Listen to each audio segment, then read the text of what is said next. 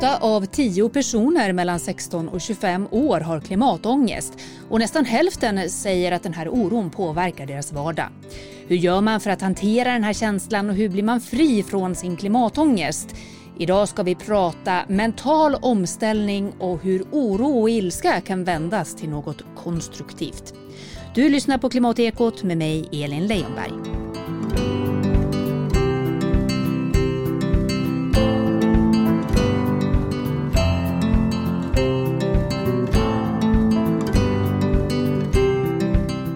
Med mig i studion just nu har jag Ann Murgan. Eh, välkommen till Klimatekot. Tack så jättemycket. Vad kul att du är här. Du kommer ner från Luleå just. Det stämmer. Ja. Du, du jobbar som mental coach inom hållbar utveckling och klimatpsykologi. Vad gör man då? Ja, då hjälper man till att stötta människor att klara av att hantera den här klimatkrisen som vi befinner oss i. Att kunna vara i sin kraft och när det blir överväldigande att kunna liksom hitta tillbaka till sin balans och ha motivationen att eh, fortsätta lyckas eh, vara en förändring, en positiv förändring och en positiv kraft. Hur länge har du jobbat med det här? Ja, länge. Jag tror 2015 tror jag jag började. Ja. Vad, vad möter du då när du möter de här människorna? Vad, vad är det liksom som kännetecknar dem? Ja, men det är lite så här, en del är som en slags uppgivenhet och känner att ja, vet att de känner sig maktlösa att kunna göra en skillnad. Och en del är bara så himla förbannade att hur kan vi låta det vara så här? Um, och en del de bär på en slags klimat och miljösorg inombords. Så det känns väldigt lätt, lättsamt för dem. Just det. det är väl några av huvudkategorierna. Det är sällan man pratar om det. Det kan vara en sorg också. Man pratar ofta om klimatångest. Mm. Är det vanligt liksom att, att det kan te sig mer som en sorg också?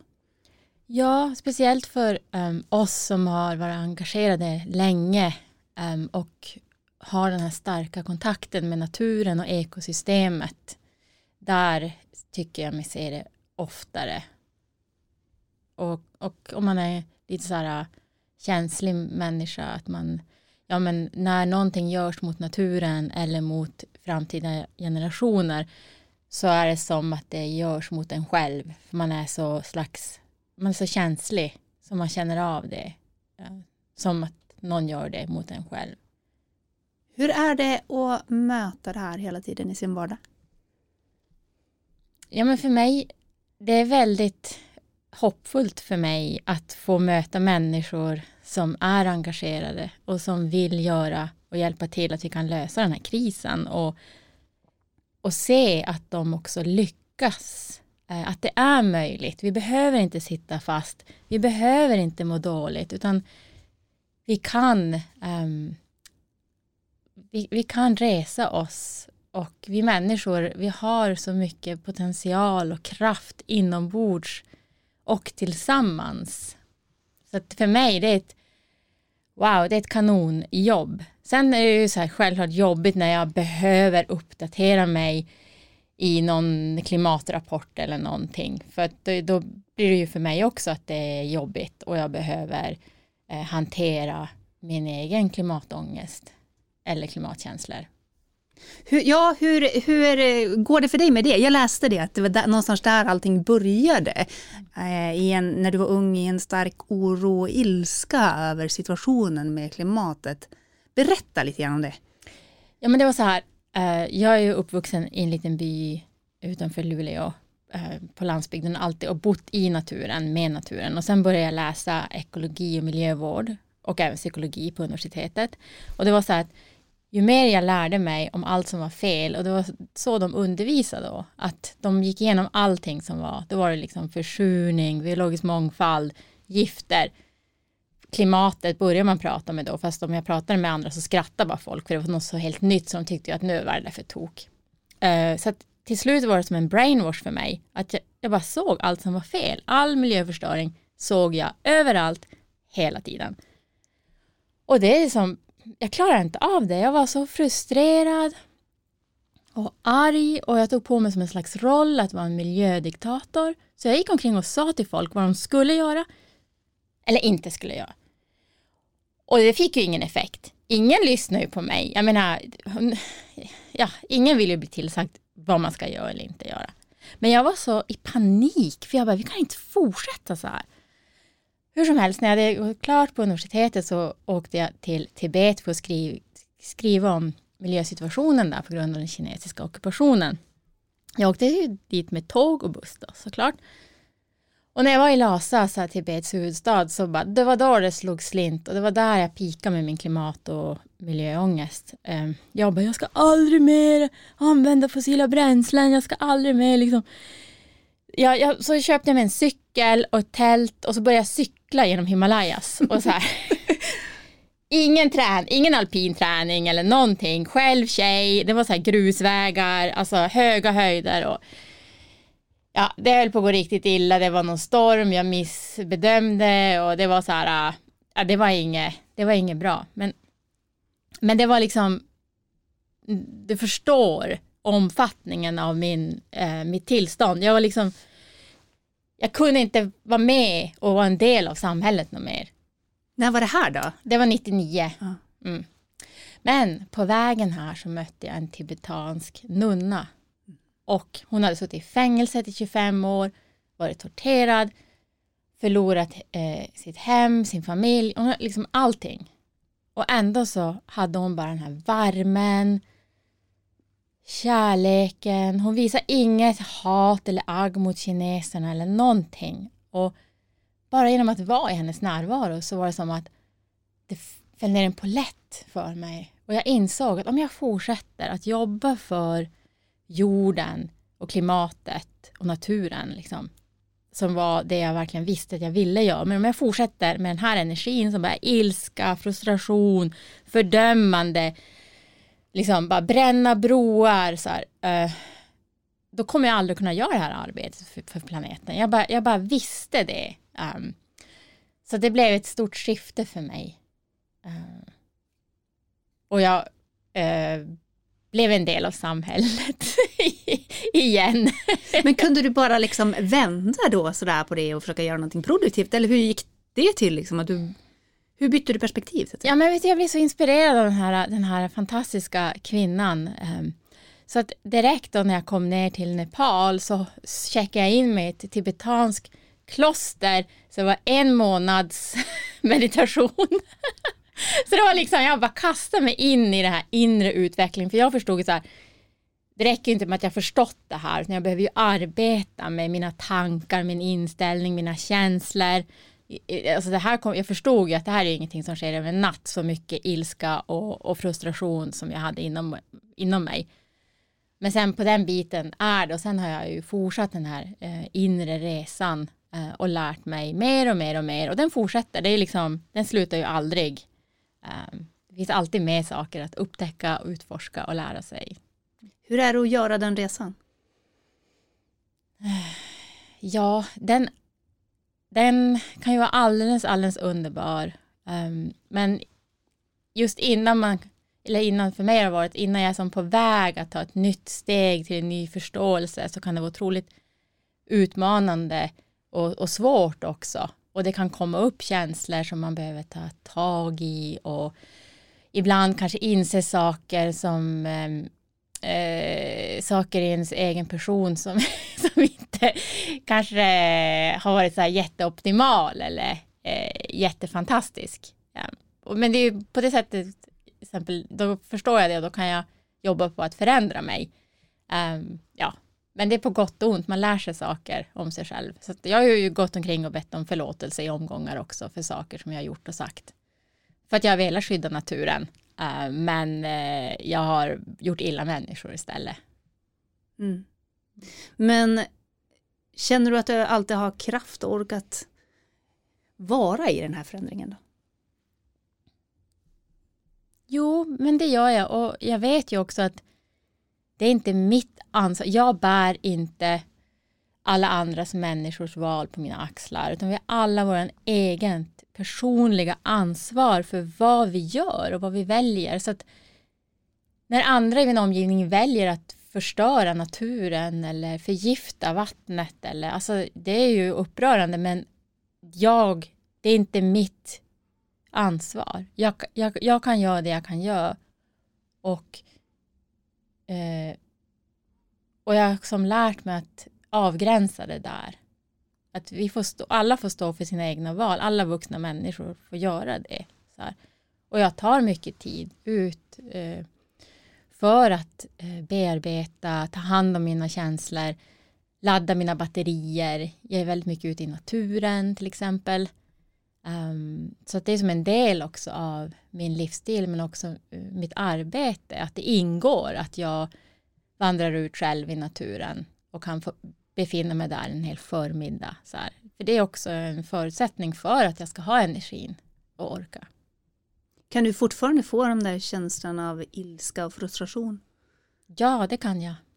Skillnaden är att nu tar jag inte den känslan och her ut den över de jag är frustrerade på och bara som en drake utan då bara okej okay, nu är jag frustrerad um, då tar jag tid för att eh, känna den här frustrationen och släppa den så här. för mig handlar det då ganska mycket vid olika sätt olika människor för mig är det mycket så här rörelse och jag gör det på ett tryggt sätt och sen när jag är lugn när jag kunnat kanalisera ut den här frustrationen då kan jag prata med dem som har gjort mig frustrerad. Men jag är inte frustrerad då. Liksom. Jag sprider det inte vidare. Är det, är det här liksom mindfulness som du jobbar mycket med kommer in i, i hur man ska hantera det här eller? Jo, alltså det, eh, som i B-change har vi väldigt många, det är flera olika steg. En del saker är så här, mer bara en inställning och sen kommer det så här mental träning och sen blir det så här mindfulness och så blir det meditation. Um, så det finns många olika nivåer på hur, hur vi jobbar och, och hur jag själv också jobbar då. Um, men med känslorna så är det ju ja, jätteviktigt att vi liksom äger våra egna känslor och inte bara för över den runt omkring oss hur som helst. Det är också ett ansvar. Um, så att, eh, mm. Mm. Vi ska prata mer om eh, eh det företag du driver, BeChange, eh, lite senare. Men först så tänker jag, eh, jag läste just en internationell stor forskningsstudie som visar det att åtta av tio unga mellan 16 och 25 år har klimatångest. Åtta av tio stycken. Och nästan hälften av de tillfrågade säger att klimatångesten påverkar deras vardag. Eh, det vill säga hur de äter och hur de sover. Fyra av tio är tveksamma till att skaffa barn och mer än hälften anser att mänskligheten är dödsdömd eh, och lika många känner sig svikna av sina regeringar. Vad tänker du när du hör sådana siffror? Ja, det är ju det är otroligt eh, sorgligt och upprörande att vi låter våra barn växa upp och ha det så här och också kännas så här. Alltså, det är så viktigt att vi sätter in mekanismer, att vi verkligen kan stötta upp dem. Eh, hur det är att växa upp mitt i en eh, klimatkris. Eh, och det är väldigt brist på det, både i skola men också föräldrar. Att hur kan man hantera det här för att stötta sina barn. Det, det, vi behöver göra mer. Det är jätte, jätteviktigt. För de är 16 till 25 år, det är liksom precis den här åldern när man ska ha all, allting är möjligt. Liksom. Hela mm. livet ligger framför en och man har äntligen blivit vuxen. Mm. Och så mm. känner man att nej, men det finns ingen mening. Mm. Ja. Men hur ska man prata liksom, med sina barn och unga kring det här då? Ja, alltså själv så för, först och främst jag, jag är ju förälder jag har bett om ursäkt till mitt barn. Att det ser ut så här. Mm. För det är inte okej. Okay. Den planeten som vi lämnar över som den ser ut nu, det är ju det är absolut inte okej. Okay. Eh, och jag tycker det är jätteviktigt att vi ber om förlåtelse, alltså börja där, alltså förlåt att det ser ut så här. Um, och jag har jättekommitment att jag gör vad jag kan för att städa upp det här innan det är dags för mig att gå vidare. Eh, och det tror jag är en jättestor grund och jag hoppas att jättemånga farmor och farfar, mormor och morfar och föräldrar faktiskt kan säga det här till sina barn. För att det är, det är som att nu är det så här, äh, det är helt normalt att våra barn och unga vuxna har det så här, växer upp i den här skiten som vi, som vi har skapat. Eh, och då tycker jag att nummer ett är ju då att säga förlåt, ge dem ett commitment, jag ska göra vad jag kan. Eh, men sen också lyfta och visa dem på alla planer som finns, allt som görs för de här, till exempel att nå de globala målen. Eh, visa sätt som man kan vara en del av förändringen själv. Att göra positiva saker är väldigt stärkande också för barn. Det, det är några av sakerna som, eh, som man kan göra, men också se till att man inte exponerar dem för mycket av negativa nyheter till exempel. Att ja, visst, de ska vara informerade, men det ska inte vara som ett sånt där, äh, ett band som snurrar på hela tiden, för det blir bara destruktivt för barnen uh, att ta del av. Då ska man i så fall, man ska se till att de också får lyssna på jättemycket av allt positivt som händer. Så att om man göder deras hopp och deras hoppfullhet, men också kanske framför allt att ta sig tid och, och lyssna på barnen och ungdomarnas tankar och, känslor och hjälpa dem att, att känna dem att det är okej. Okay. Mm. Det här med att föra alltså tror du att det är någon risk att man för över sin egen klimatångest på sina barn? Det tror jag. Uh, och jag har själv varit, försökt vara väldigt medveten om det. Som jag vet e, en gång här, uh, min son var fem ungefär då. Och vi skulle åka iväg på morgonen och det var så här, det var mitt i vintern men det var plusgrader och slask och liksom, det var så här, jag fick värsta vågen av klimatångest och men istället för att där och då bara börja säga massa saker och så här, åh, nu är klimatet, åh, det är helt åt skogen och det här kommer inte att gå bra. Alltså om jag skulle ha bara pratat högt om vad jag kände då och att jag också all negativitet som jag kände just då som bara slog över mig. Det hade varit destruktivt för min son. Han behöver inte höra det. Han behöver inte förstå det då. Alltså jag pratar med han när jag är i balans. Och så sen så jag, gjorde jag då en notering i mitt huvud. Okej, okay, nu har jag en våg av klimatångest. Nästa lucka jag har så tar jag med tid att ta hand om de här känslorna. Mm. Så det är liksom um, det är inte så lätt. Och så i vardagen och så, du vet, att man ska, men vi kan bara försöka göra så gott vi kan, tänker jag. Mm. Har du några sådana här konkreta verktyg man kan ta till när man känner den här klimatångesten komma? Ja, men först nummer ett, känn den. Så här.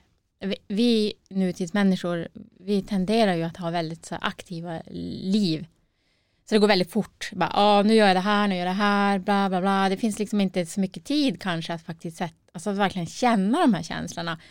Och vi människor tenderar att helst vilja undvika de här känslorna, alltså jobbiga känslor. Jag menar, hur kul är det att känna, att känna den här otroliga klimatångesten? Det är jättejobbigt, eller hur? Mm. Så att eh, nummer ett, ta dig tid, eh, känn dem. Hur du än brukar känna andra känslor. Liksom. Eh, planera in det. För det blir, om vi har klimatångest nog många gånger, nog ofta och vi inte känner dem och tar hand om dem så det byggs ju bara på inombords. Till slut blir det någon slags reaktion på ett sätt eller ett annat som, inte, som är inte positivt. Så att nummer ett, känn det och så sen eh, fråga dig själv, är det något jag kan göra? Så att, och då beror det som på varför fick jag klimatångest den här gången. Som en gång för mig var det den här, den här, han som är president i Brasilien nu när han blev tillsatt.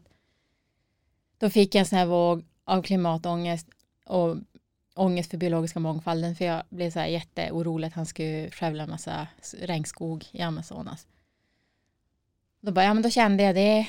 Jag tror jag gick ut i naturen och så sen eh, så bara, vad kan jag göra? Okej, okay, det finns en organisation som stöttar upp urbefolkningen och skyddande av skog där nere. Så jag gjorde en donation. Den behöver inte vara stor, men alltså jag gör något, jag kanaliserar min energi till folk som jobbar på lösningen.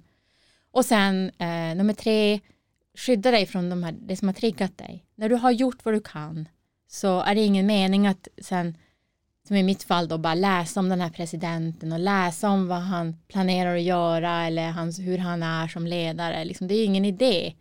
Jag har gjort vad jag kan för då. Sen kan jag komma tillbaka om ett, ett år senare att titta på läget och kanske göra något mer. Men liksom skydda dig mot triggern för det är den som drar ner oss. Och det blir väldigt negativt för vårt mående. Och mår vi nog dåligt, då orkar vi inte göra något för miljön eller klimatet hur som helst. Och sen nummer fyra, så här, boosta dig. För då har du liksom sjunkit lågt, du har gjort vad du kan, um, du har skyddat dig mot det som eh, har dragit ner dig och sen då boostar dig på ett sätt som, som ger dig energi. Som, för mig är det naturen och många andra också. Naturen har ju en stor läkande effekt på oss människor, det visar ju forskningen. Men också att connecta med andra människor, till exempel om du har likasinnade människor eh, som är positiva och ger dig energi. Eh, så det är också positivt. Eller att man har, man har sin kanal, sin liksom kreativa klimatkanal och man har redan hittat den.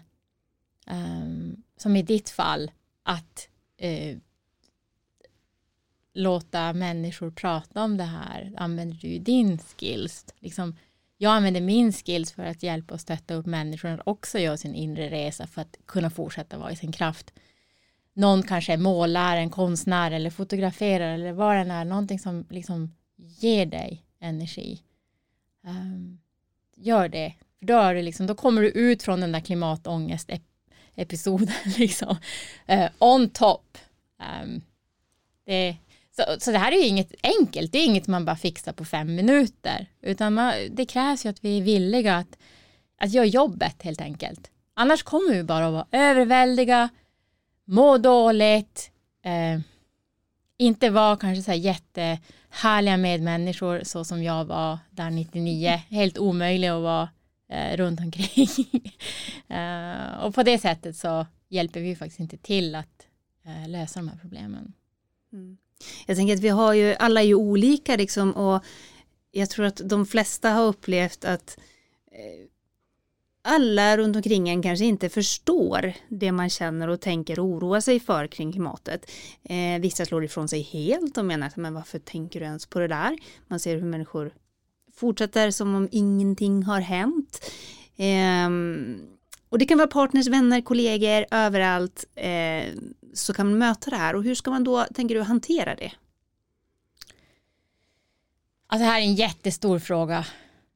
Och ja, men i BeChange har vi ett helt avsnitt om det här, för det är liksom hur stort som helst. Men ja, precis, vi har ju alla de här eh, situationerna och där man kanske kände att det gick inte så bra heller, när man försökte promota ett mer hållbart beteende Eh, och så blev det helt jättedålig stämning och liksom, man känner att folk bara tog avstånd istället för att faktiskt istället bli intresserade. Det, ah, det finns inget, jag vet inte riktigt hur jag ska komma med något snabbt svar, men om man säger så här, det mest effektiva sättet som vi faktiskt inspirerar andra, det är genom att vara förändringen vi vill se i samhället själv.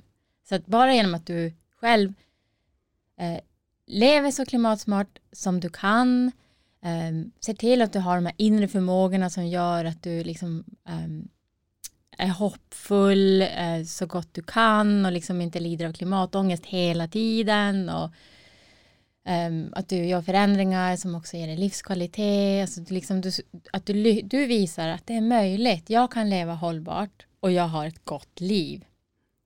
Bara genom att vara det så så inspirerar du andra, även fast in, inte kanske så många kommer att säga något, men de ser det och de observerar det.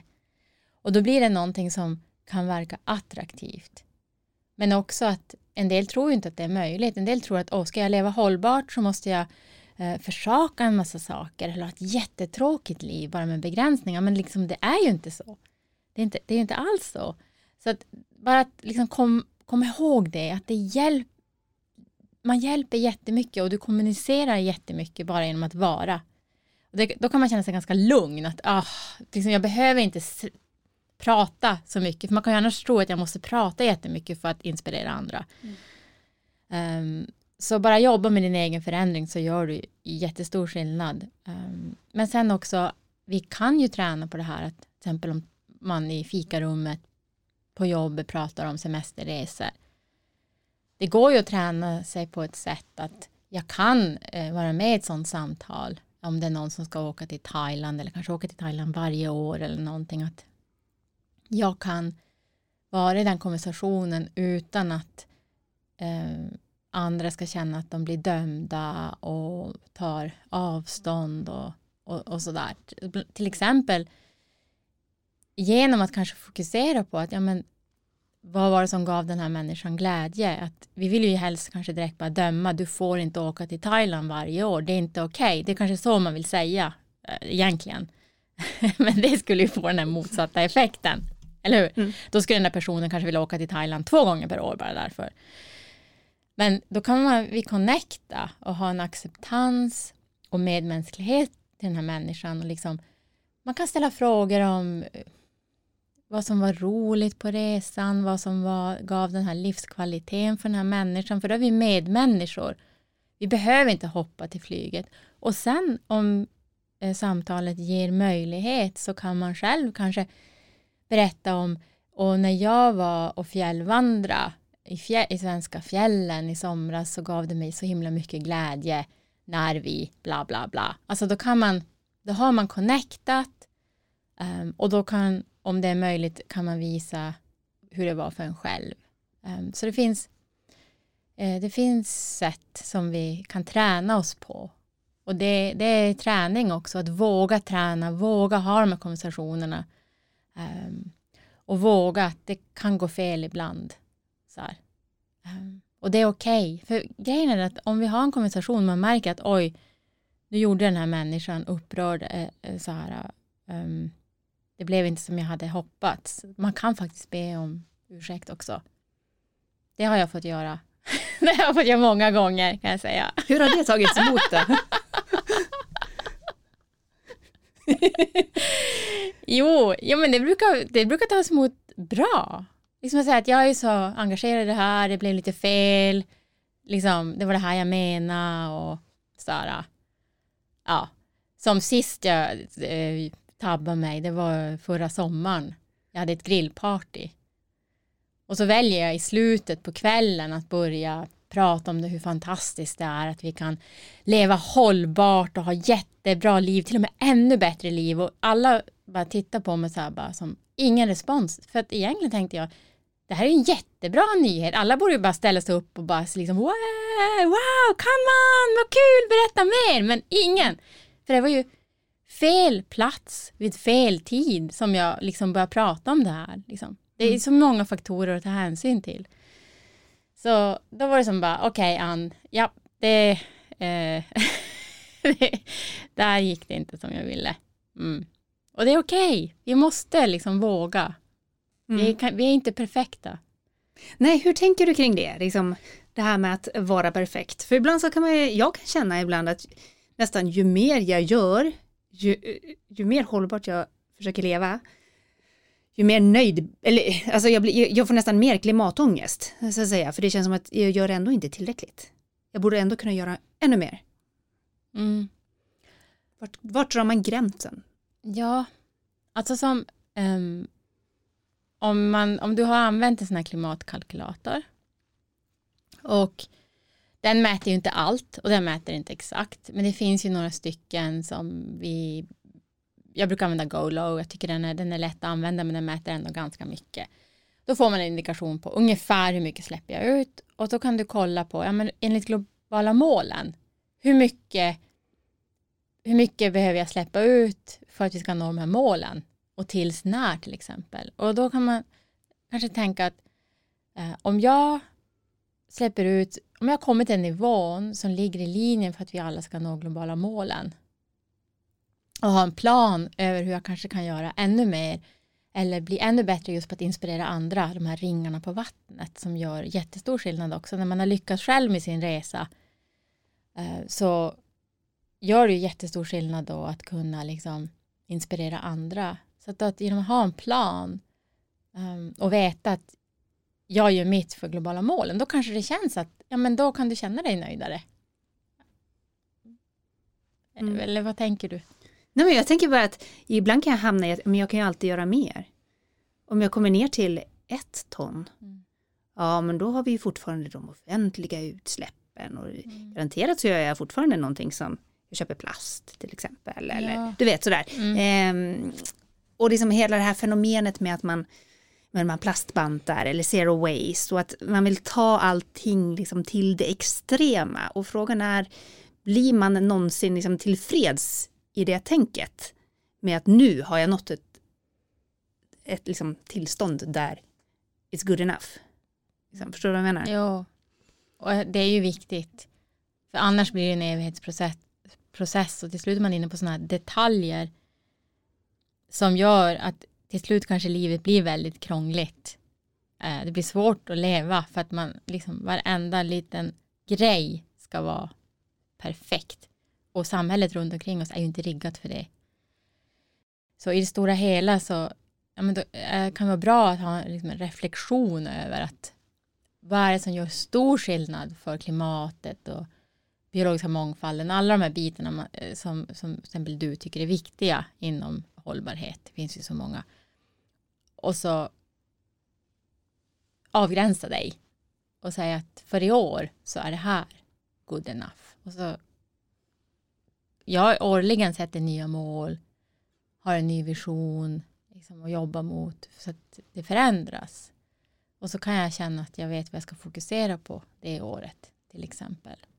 För, och, och just att när vi lever hållbart, att det ska vara med livskvalitet.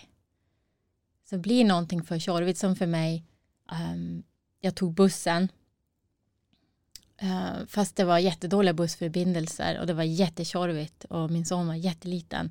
Det var liksom en mardröm och till slut så stod jag ju där och väntade på bussen och märkte hur jag var så bitter mot alla som körde förbi deras bilar och bara Åh, den där kör själv och den där kör själv. Alltså jag var så så det där var ju inget bra för mig. Det var min livskvalitet, mitt livspussel var ju, blev ju jättelidande. Så att då, då började jag tänka, vad kan jag göra istället och testa sig fram. Så, så att jag tänker att man kanske kan känna att min avgränsning också går, att påverka det här min livskvalitet negativt så har jag liksom, då är det inte värt det. Så antingen testa något annat eller gilla läget en stund, speciellt om du redan lever inom de här globala målen. Kanske du ska fokusera då på dina ringar på vattnet. Hur kan jag ännu mer inspirera fler? Där gör du säkert mer skillnad än att varenda liten plast liten liten plastbit ska, ska liksom minimeras från livet. Fastän det, alltså Förstår du hur jag menar? Mm.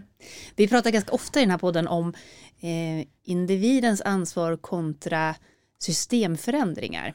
Hur tänker du kring det? Ja, det, alltså det är en jätteviktig fråga. Och jag tänker så här, det är ju inte individens ansvar att fixa det här. Men eh, som vi följer väldigt mycket den här eh, Carbon Law, Exponential Roadmap, som liksom visar att för att vi ska nå de globala målen så gäller det att vi alla gör saker. Vi alla gör vår första halvering av koldioxidutsläpp till 2030 till exempel. Och då med alla menas det um, företag, privatpersoner uh, och uh, offentligheten. Offentliga, regeringen, ja. staten. Ja. ja. Så att vi alla tre ska göra en halvering. Så, och, och när vi gör det, då kan vi nå de globala målen. Så att det är ju vi privatpersoner, liksom, vi kan inte bara sitta och vänta på att de andra ska göra, fixa det här åt oss. Och, och de kan inte sitta och vänta på att vi ska göra det, utan vi behöver alla mötas från alla olika håll. Um, och det är väldigt möjligt faktiskt. Nu är jag ju faktiskt på rätt plats, rätt tid att prata om det här. Det är, det är möjligt att leva klimatsmart och ha hög livskvalitet. Att livet, du gör inte uppoffringar och att du, hit, att du kan vara en del av att nå de globala målen. Vi har sett eh, vi har sett väldigt, väldigt många deltagare som har lyckats med det här och vi själva som jobbar med det här har lyckats med det här. Det, det är inte svårt faktiskt. Det är kul. och det är så här, det är sant. Kan du ge några exempel från ditt eget liv där den här eh, omställningen och förändringar du har gjort eh, också gör att du har ett lika bra eh, liv eller mm. kanske till och med bättre? Ja men om vi tar den här med bussen till exempel. Så då var det så här, okej, okay, jag fattar, det här är inte bra för min livskvalitet och mitt livspussel, jag måste göra något annat. Eh, då hade jag inte råd att köpa den eh, eh klimatsmarta bilen eh, som jag tyckte var okej okay att ha. Men då sa jag, okej, okay, hur kan jag göra då? Ja, men då var det så här, men då hade jag en granne i närheten. Så då började vi samåka, så jag köpte en bil som inte var nog okej okay egentligen. Men jag började samåka och det funkar jättebra. Då fick man det här sociala samtalet också med mina grannar och hennes dotter och det var så här jättetrevligt. Alltså vi fick så här nästan dagligen ha de här fantastiska samtalen. Plus att koldioxidutsläppen var ju halverade på en gång. Eh, och jag visste att för att jag ska kunna göra mitt arbete ehm, så behöver jag en bil. Så hade jag fortsatt sitta på bussen eh, och det går inte att cykla och så är det alldeles för långt och för dålig väg och så. Så, så hade jag liksom inte kunna bli, göra mitt jobb lika bra. Så jag visste att det var en kortsiktig lösning. Och sen eh, kom jag till en punkt där det var inga problem för mig att köpa en elbil. Så då köpte jag en elbil, fortsatte att samåka. Um, så att um, nu har jag jobbat hemma väldigt mycket sista tiden, men det är så ett exempel på hur, uh, hur när, jag, när jag, liksom, det var viktigt för mig, jag får inte ha, göra, alltså jag får inte sätta klimatet före min egen livskvalitet. När jag liksom har satt den ribban där och hittat lösningar så, så blev det helt suveränt för mig. Eh, och det är helt suveränt. Och jag köpte ju elbil väldigt tidigt och har inspirerat väldigt många andra att det går att leva på landsbygden i en by i Norrbotten med en elbil och det, vet du, det fungerar. Ingen har behövt liksom dra upp mig från vägkanten för att jag fått slut el. Till exempel, det var ju en snackis i början. Äh, hur ska det här gå? Ha ha ha. Så, så ja, det är ett exempel på när jag själv har lyckats. För det är ju verkligen en diskussion när det kommer till elbilar. Man kan inte ha elbil i Norrland, det är dåligt med laddinfrastruktur, det är kyla som drar ner batteritiden och mm. så vidare. Mm. Men eh, det funkar. För mig har det funkat jättebra. Mm. Sen förstår jag, bor man ännu längre bort och pendlar ännu mer och så vidare. Liksom. Men för mig har det funkat super. Mm. Härligt. Jag tänker så här också att vi är ju hela tiden på olika stadier i våra liv. Det händer saker i våra liv. Eh, vi får pepp, eller vi får, vi får, pepp, eh, vi får barn eller någon nära oss kanske går bort, vi kanske byter jobb, blir av med jobbet, eh, olika saker händer oss så att säga. Eh, om man då liksom har varit i, ett, i, en förändringsprocess och känt den här motivationen så plötsligt så gör man inte det längre. Alltså hur ska man hitta tillbaka till motivationen och måste man ha motivation hela tiden? Mm. Nej, det, det, måste man ju inte alls. Alltså, Alltså livet tar plats och saker händer. Och så måste det få vara. Jag menar, ibland, ibland sker saker i sitt liv som, som tar upp i stort sett hela livet. Och att då fokusera på en förändringsprocess mot hållbarhet, det, är liksom, det ligger ju väldigt långt bort. Och det är ju väldigt, och, eh, så det är okej okay att då falla tillbaka, ta några kliv tillbaka. Um, gör det som som ska tas om hand i livet, om det är en anhörig eller barn eller att man själv behöver återhämta sig, vad det nu kan vara. Så här, att tillåta sig själv att, att det är okej. Okay. Det, det, är som det är och, och veta också att jag innerst inne så har jag ju, jag vill ju leva hållbart, att, att liksom, jag vet det. Och, men just nu så behöver jag göra det här. Och så, och så fortsätta um, komma ihåg den där, den där planen, den där drömmen, att vilken livsstil man vill. Och när livet sen återgår eh, till det normala och man har energi, då, börjar man, då, kan man ta, då kan du ta tag i det där igen. Så att det, jag tycker det är jätteviktigt att vi är så här, förstående, inte bara mot andra som inte lever så hållbart, men också oss själva. Och att ibland kan, behöver man ta några steg tillbaka, som jag med när jag köpte den där bilen som egentligen inte alls var speciellt bra. Um, så, så var det ju några steg, några steg tillbaka med koldioxidutsläppen, men i det stora hela så blev det ju någonting väldigt bra. Det var liksom, det var ett måste för att jag ska typ vara där jag är idag, kan man ju säga. Så att jag tycker ja, det, vi får ta det lugnt, vara snälla mot oss själva. Kan du känna någon press med det, den roll du har i ditt yrke, att du också alltid måste välja hållbara alternativ? Ja, det kan komma ibland och då försöker jag så här, an det är lugnt. Jag eh, vet att jag gör så gott jag kan. Och, eh, eh, och så är det bra med det. Nu har jag haft jättelåga utsläpp i väldigt många år. Eh, typ, jag ligger på typ 1,3 ton enligt GoLow. Och det är ju för att jag har haft en väldigt enkel livsstil och sådär. Men jag vet att det kommer att öka till exempel. För eh, ja, det kommer förmodligen att bli renoveringar. Det kommer att bli en resa, en utlandsresa med flyg. Eh, för att det är jätteviktigt för livskvaliteten. Eh, in till 2030 då. Så jag vet ju det och jag vet att uff, det kanske kommer att se lite halvdåligt ut hur jag som liksom, coach men det går också ihop med i B-change hur vi jobbar att det är det stora hela som betyder något. Så jag har ju gjort min personliga plan över koldioxidutsläpp fram till 2030 och jag ligger eh, väldigt bra till liksom vad som behövs för att vi ska nå globala målen. Så jag vet att jag kan ha de här åren då det kommer att vara större utsläpp och jag kommer ändå ligga under vad som behövs. Så då vet jag att jag har en plan, jag står för det här, det är helt okej. Okay. um, ehm, och jag kommer ihåg faktiskt första kursen vi höll i B-change.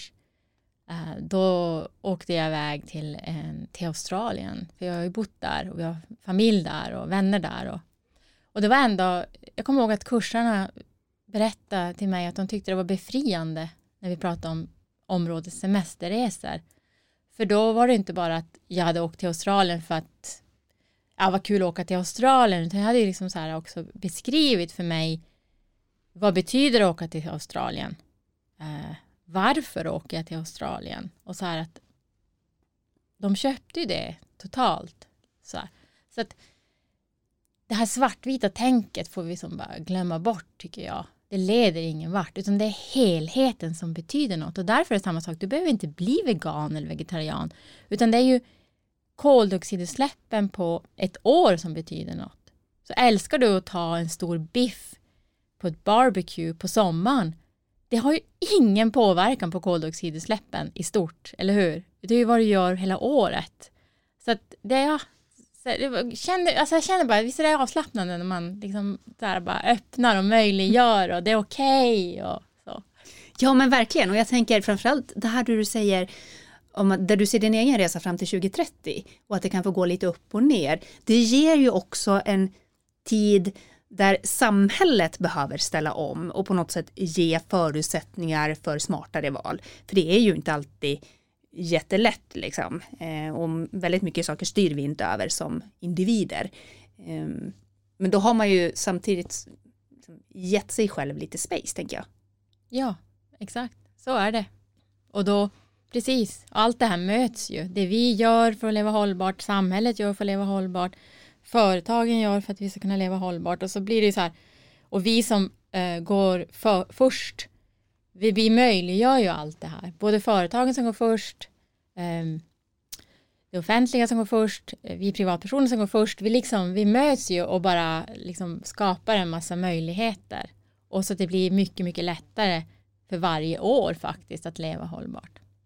Mm. Men du, du ska få berätta lite mer om Beach Change också. berätta vad ni gör. Men vi är ju en social innovation um, som har en metod just som en flerstegsprocess som hjälper människor att lyckas leva så hållbart som man vill med hög livskvalitet och att man mår bra. Och hur gör ni det här? Ja, vi, um, vi kombinerar då uh, yttre omställning så man får väga in sig. Så här, det vi har pratat om, en, en klimatkalkylator och man, så man får koll på men hur ser mina utsläpp ut just nu utan att ha någon skuldbeläggande eller kritiskt utan bara jag vågar titta på det här. Så. Och vi också väger in oss hur vi mår, liksom nivå av hoppfullhet, klimatångest, kognitiv dissonans och livskvalitet. Uh, och, ehm, och sen jobbar vi med målsättning. Vad vill jag? Vad vill jag göra? Vad har jag för förutsättningar? För vi har ju alla olika förutsättningar som jag pratat om. Vart är jag i livet? Hur ser det ut för mig nu? Och så sätter man mål som man tycker känns rimliga.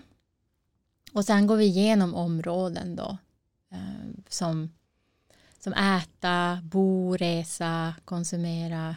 Och så får, vi, får man välja vilka områden man vill fokusera på. Så att det är de som är relevanta för en själv och sin omställningsprocess. Och hela tiden genom det här programmet så har vi så här inre utveckling att vi jobbar mentalt och känslomässigt så att vi kan topprestera i omställningsprocessen eh, och även då må bättre. Så verkligen så här utforska, utveckla våra inre förmågor för att kunna hantera den här klimatkrisen, kunna känna att jag står i min kraft, känna det här att jag kan vara en, eh, en medmänniska som är varm och accepterande till andra till exempel. Och sen har vi vårt sista område, det är just det här ringarna på vattnet. Och vi verkligen, när man har gjort sin egen resa, man har förstärkt sitt egna personliga klimatledarskap. Eh, uh, jag walk the talk. Um, då är det så här, okej, okay, ringarna på vattnet. Och bara genom att du har gjort din egen resa så blir du naturligt en starkare liksom ledare att inspirera andra. Det blir så här naturligt, jag har gjort det själv, jag är den förändringen och så blir jag ännu bättre på att inspirera andra och så kryddar vi på det med lite så här praktiska saker. Okej, okay, nu ska jag prata med grannen om det här. Vad kan jag tänka på då? Olika förmågor som vi kan jobba med som till exempel självmedkänsla. Det kan ju låta jättekonstigt, vad har självmedkänsla med min förmåga att kommunicera till andra att göra? Mm. Men det är så att om jag inte värderar vad jag själv säger så är det svårare för andra människor också att tycka att det är intressant. För det lyser ju som igenom om jag har någon slags lägre um, om jag tycker att vad andra säger är viktigare än mig så, så påverkar det hur min framtoning och mitt röstläge och, och, men också så här att då kanske jag låter familjen eller mina vänner bestämma, ja men okej då, vi åker väl på den där resan, fast jag kanske själv hade velat göra något annat och kanske inte ens föreslår alternativ. Så den här självkänslan är viktig. Så det är liksom, och speciellt för en del av oss, eh, och då får man chans att jobba på den och så kan man få chans att jobba på eh, sin acceptans, att kunna bygga broar och eh, ja, det är ett jättehärligt kapitel. Och så just där också sin tribe, att man har likasinnade att få stöttning av och bli stöttad av. Och att eh, fundera på sin unika kanal just för mig med ringarna på vattnet. Vad är min, mitt, har jag ett sätt som, som jag kan verkligen skapa ringar på vattnet som ger mig glädje och jag använder min, mina unika talanger till. Ja. Så att, och sen väger vi ut oss och säger vad har hänt? Så här, hur har eh, individernas resa sett ut? Eh, deltagarna säger sin egen resa men vi ser ju då klassens resa också. Sådär, så att, eh, och hittills har vi haft väldigt bra resultat, nästan en halvering av koldioxidutsläpp och eh, eh, mm, hoppfullheten ökar, klimatångesten minskar och livskvaliteten är samma eller högre. Så, här. Uh, så att, um, ja.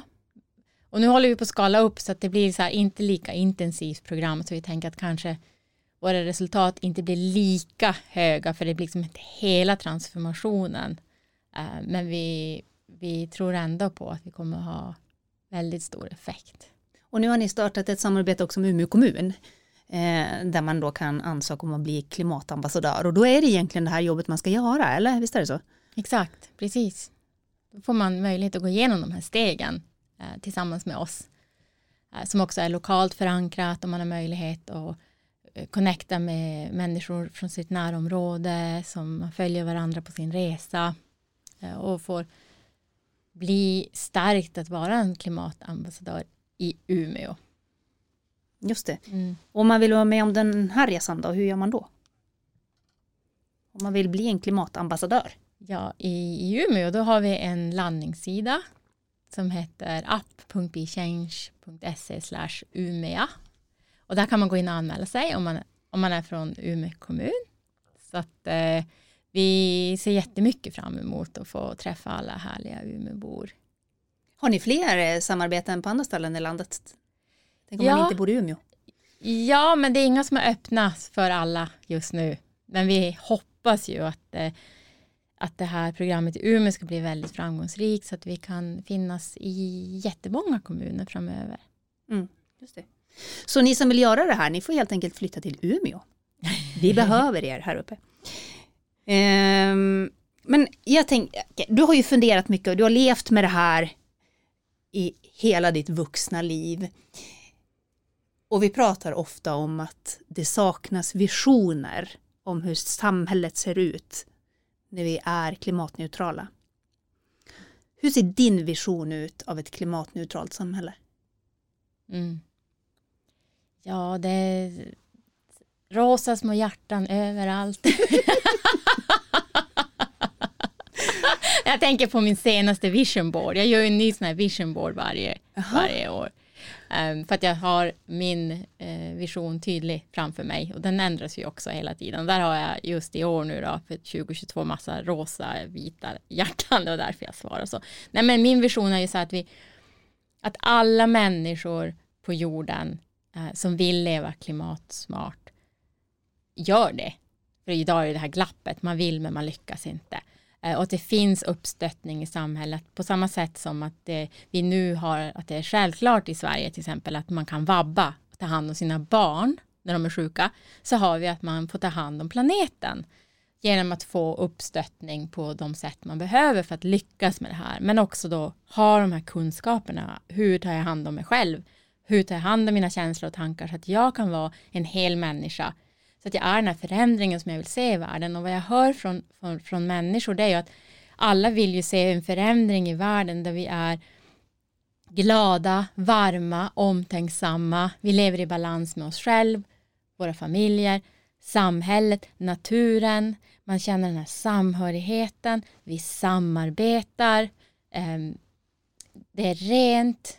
Det, det är liksom den här en del av ekosystemen. Och ja, jag skulle kunna fortsätta väldigt länge på den här punkten, men jag tror jag stannar där. Det låter som en fin vision tycker jag. Stort tack för att du kom och var med i Klimatekot. Tack så jättemycket.